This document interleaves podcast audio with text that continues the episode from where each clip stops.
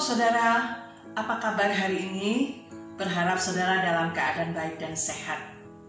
Pesan firman Tuhan hari ini terambil dari Ibrani 13 ayat yang keempat. Demikian bunyi firman Tuhan. Hendaklah kamu semua penuh hormat terhadap perkawinan dan janganlah kamu mencemarkan tempat tidur sebab orang-orang Sunda dan pesina akan dihakimi Allah. Ini perintah Tuhan yang tidak pernah berubah dari zaman ke zaman. Perintah ini diberikan kepada semua orang tanpa terkecuali. Hendaklah kamu semua. Siapa yang dimaksud saudara? Yang pertama, orang yang harus menghormati pernikahan adalah orang yang sudah menikah. Berarti mereka harus menghormati pernikahannya sendiri maupun pernikahan orang lain. Tidak boleh mengganggu, apalagi merusak pernikahan. Jangan menggoda istri orang, jangan mengingininya, jangan mengganggu suami orang lain. Yang kedua adalah orang yang belum menikah atau tidak menikah harus tetap menghormati pernikahan.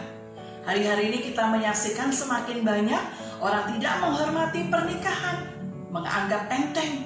Hal ini terlihat dari begitu banyaknya kasus hidup bersama tanpa status pernikahan, kekerasan dalam rumah tangga, perselingkuhan, tingginya angka perceraian. Suami istri mengingkari janji nikah, melanggar kekudusan pernikahan. Apa yang menjadi penyebab semua kekacauan ini? Karena tidak ada lagi rasa hormat kepada lembaga pernikahan. Allah memerintahkan kita menghormati pernikahan. Mengapa? Karena pernikahan adalah lembaga yang pertama kali Allah ciptakan sebelum ada gereja, negara, catatan sipil. Allah lebih dahulu menetapkan pernikahan dan mendesainnya untuk maksud dan tujuannya yang mulia. Pernikahan ditetapkan oleh Allah, dipersatukan oleh Allah sendiri, dan tidak boleh diceraikan oleh manusia. Mereka yang menghormati pernikahan pasti akan menjaga keutuhan rumah tangga.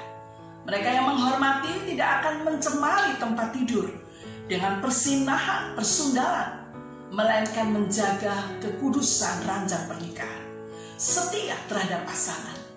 Menghormati pernikahan berarti menghormati Allah. Hari ini kita sudah mendengar firman. Lakukanlah saudara. Maka Tuhan menjamin kebahagiaan dan berkat-berkatnya bagi keluarga dan rumah tangga kita. Tuhan Yesus memberkati.